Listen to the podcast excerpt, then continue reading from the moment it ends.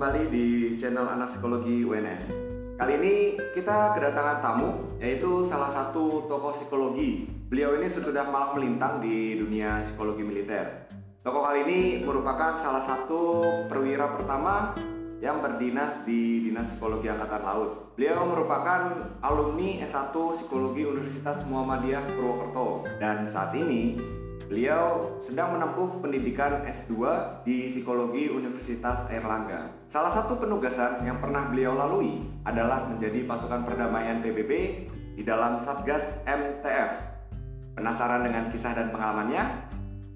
Sebelum kita mulai ngobrol dengan beliau, pastikan kalian sudah memfollow blog uns.wordpress.com serta akun IG kita di at anakpsikologi underscore UNS agar kalian tidak kelewatan informasi serta pembahasan menarik seputar psikologi lainnya. Baik, selamat siang izin mentor. Terima kasih atas kesempatan yang telah diberikan dan waktunya luangkan untuk join bersama kami di podcast Anak Psikologi UNS. Selamat siang. Mungkin yang pertama, ini kan banyak ya yang tertarik mengenai psikologi militer gitu. Mungkin bagi mahasiswa-mahasiswa psikologi uh, yang memang mereka mungkin memiliki cita-cita untuk menjadi seorang perwira psikologi gitu ya setelah lulus S1 kebanyakan masih mengawang ini apa psikologi di militer itu seperti apa gitu.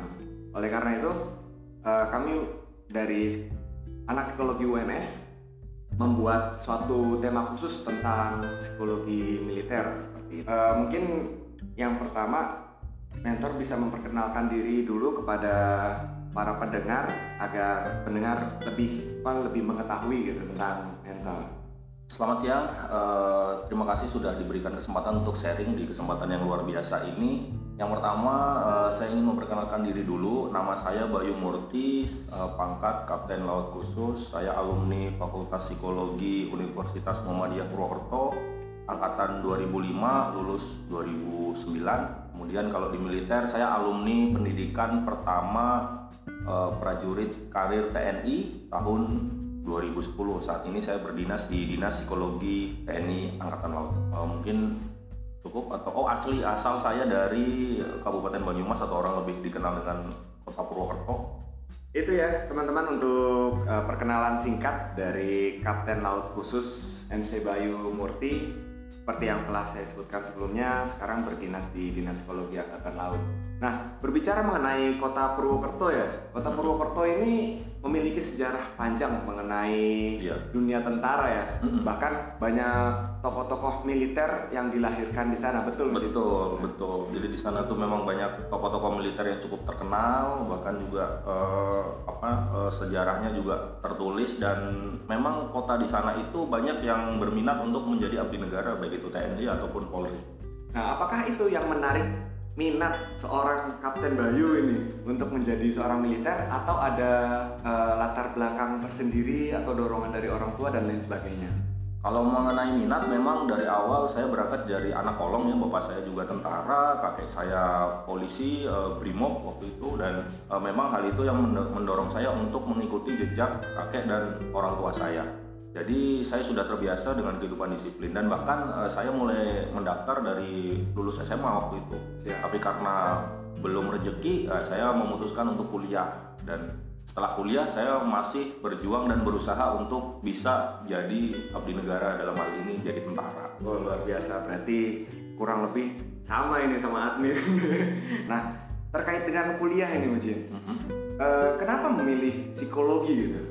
Kenapa nggak yang lain jalur lain untuk masuk menjadi tentara? Apakah ada motivasi khusus? Nah jadi gini, uh, waktu saya gagal setelah lulus kuliah, eh lulus SMA itu saya gagal meraih cita-cita saya. Kemudian saya banting setir uh, melaksanakan plan B saya. Plan A gagal, saya melaksanakan plan, plan B untuk mengambil mata kuliah atau memutuskan untuk kuliah karena memang sudah UMPTN waktu itu namanya ya udah tidak memungkinkan lagi. Akhirnya saya kuliah di kampus swasta. Yang harus saya lakukan selanjutnya adalah saya menentukan jurusan. Nah waktu itu jurusan yang uh, karena memang dari awal tidak ada niat niatan untuk kuliah jadi saya bingung menentukan jurusan nah saya balik lagi ke cita-cita saya e, niatan saya untuk mendaftar tentara itu apa terus kemudian saya browsing uh, saya lihat jurusan-jurusan yang dibutuhkan tentara setiap tahun.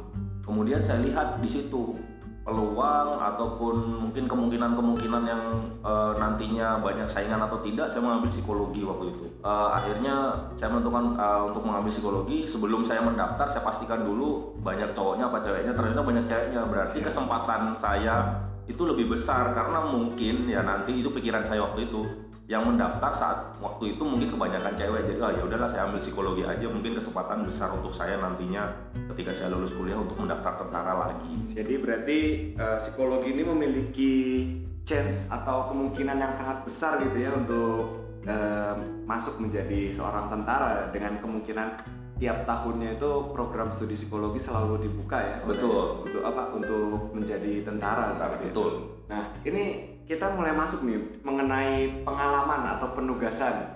Pengalaman atau penugasan apa saja sih yang telah dilalui gitu selama menjadi seorang perwira TNI Angkatan Laut? Pengalaman banyak ya. Jadi yang paling menarik ketika kita jadi tentara, background kita psikologi adalah yang kita akan nanti melaksanakan fungsi yang pio banget itu namanya seleksi atau biasa kalau kita kenal itu istilahnya werving itu uh, artinya seleksi ya. Dan seleksi itu kita lakukan di seluruh Indonesia. Otomatis kita akan pergi ke tempat-tempat yang belum pernah kita kunjungi mulai dari Sabang sampai Merauke. Itu pengalaman yang menarik yang pertama ketika kita bergabung di dunia tentara. Terus kemudian yang kedua pengalaman uh, menarik yang kedua kita akan mendapatkan pengalaman layar dengan kapal perang. Itu nanti di dalamnya banyak sih mulai dari apa tuh uh, bakti sosial ataupun nanti yang kerjasama dengan Kementerian Pemuda Olahraga.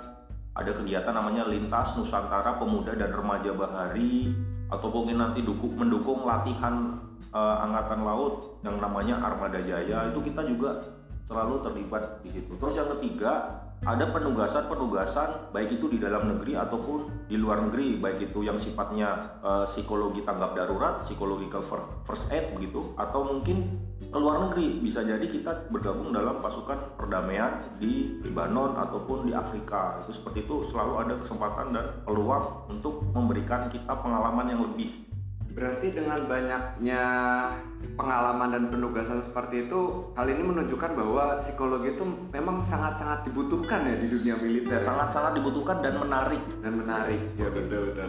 Nah, ini ada salah satu pernyataan statement tadi yang cukup menarik gitu dan mungkin teman-teman apa namanya ingin tahu lebih lanjut yaitu tentang penugasan di sebagai pasukan perdamaian Hmm. Nah itu mungkin uh, pernah ada pengalaman tersendiri yang bisa diceritakan?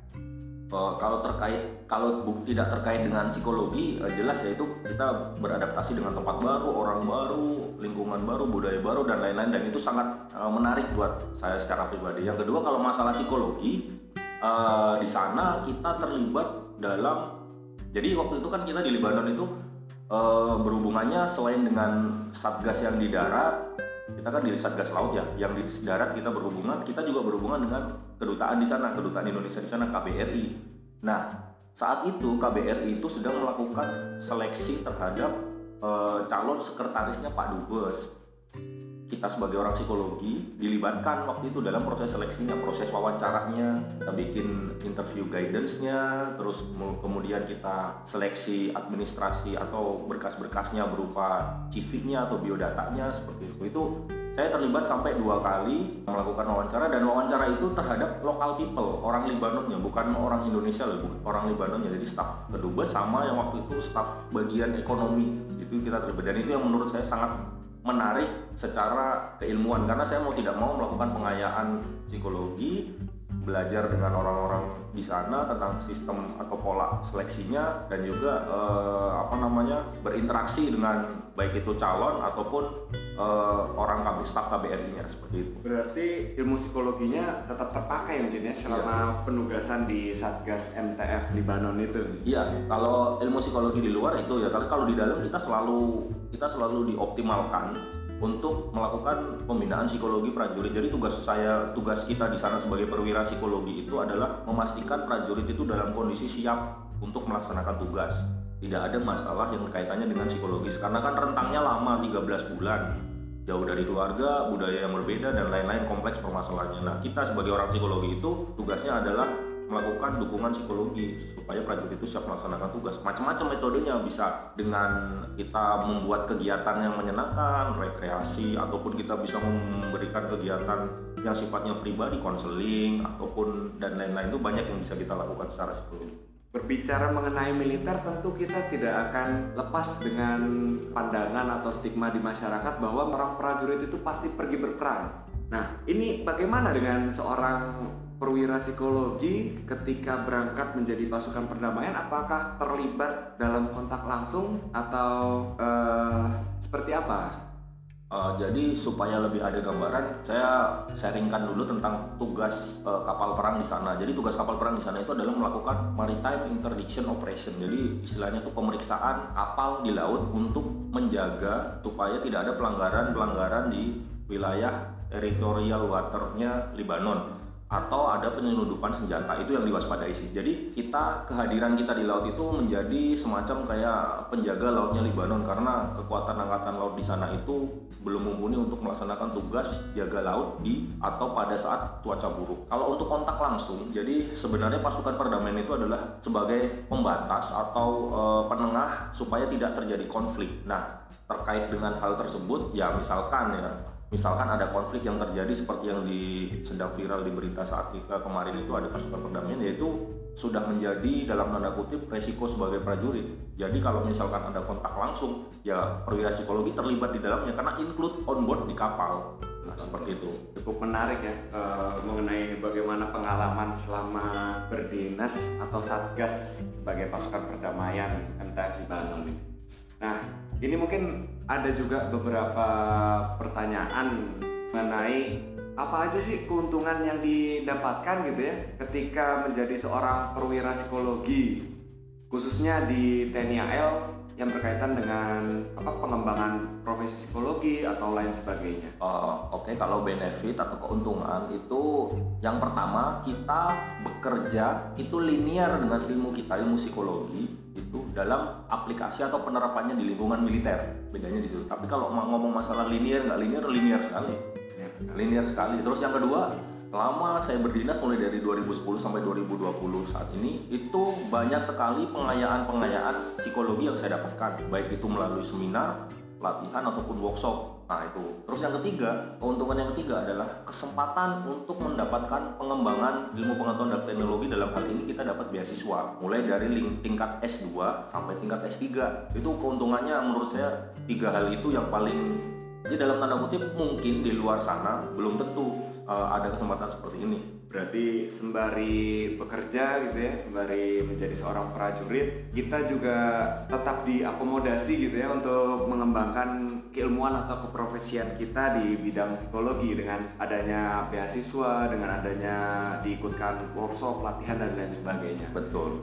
Nah, mungkin ada juga yang masih bertanya-tanya sebetulnya mereka itu mahasiswa-mahasiswa atau mungkin yang sudah lulus ingin menjadi seorang perwira gitu ya menjadi seorang TNI masuk punya background sarjana S1 tapi masih bingung atau mungkin e, ragu gitu untuk masuk. Nah, ini kira-kira bagaimana sih cara untuk menjadi seorang perwira gitu melalui sumber sarjana?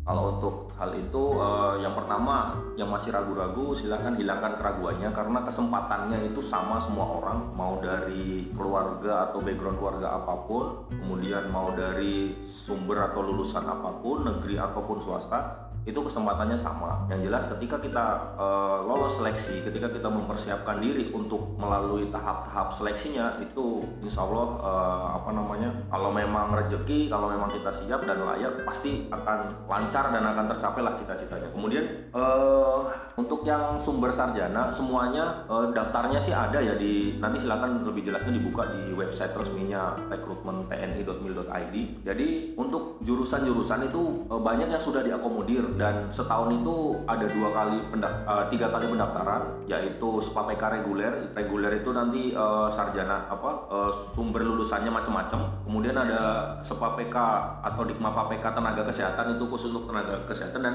yang ketiga adalah mahasiswa beasiswa itu itu selalu dibuka pendaftaran setahun itu tiga kali. Jadi untuk syarat lebih lanjut silakan membuka di website ya. Yang jelas kesempatannya luas. Kalau kita tidak mencoba, kita tidak akan tahu. Kalau kita punya cita-cita, kita tidak mau mulai melangkah untuk mencoba, Nah, nanti ya penasaran sampai ini apa belum maksimal kita nanti akan penasaran terus. Jadi saran saya untuk yang mahasiswa jangan takut bayangan, coba saja, daftar saja, kemudian lalui saja tahap seleksinya. Yang lebih lagi adalah persiapkan diri.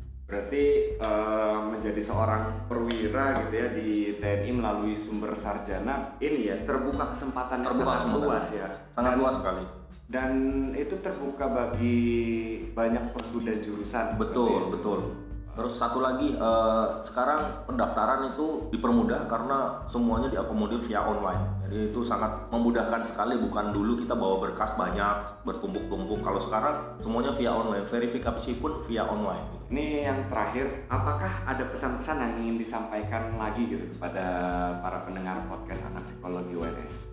Bagi teman-teman yang ingin mendaftar ataupun yang punya cita-cita, sampai nanti kalian belum mentok itu dicoba saja karena saya juga bisa diterima seperti sekarang ini bisa meraih cita-cita yang saya inginkan dari kecil itu juga penuh pengorbanan dan perjuangan dan bukan cuma satu kali daftar tapi beberapa kali dan alhamdulillah saya bisa diterima. Intinya jangan takut bayangan jangan takut jangan memelihara persepsi yang tidak penting maju saja coba saja. Yang penting adalah tekadnya harus kuat.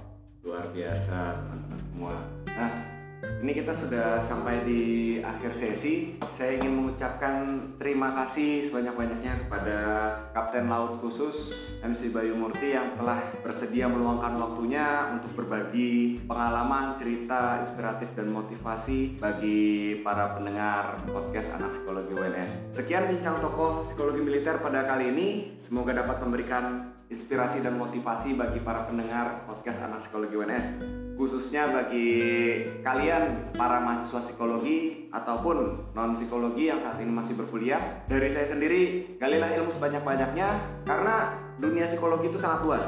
Kalian dapat berkarya di mana pun kalian berada. Dosen saya pernah mengatakan bahwa selama manusia masih ada di muka bumi ini selama itu juga ilmu psikologi akan terus berkembang. Oleh karena itu jangan patah semangat dan teruslah berkarya dengan keilmuan yang kalian miliki Sampai jumpa lagi di podcast-podcast anak psikologi UNS selanjutnya yang tentunya dengan topik dan tokoh yang tidak kalah menarik. Jangan lupa untuk follow uh, blog dan akun IG anak psikologi UNS agar kalian tidak ketinggalan topik dan pembahasan menarik lainnya. Sekian dari kami psikologi UNS pamit undur diri.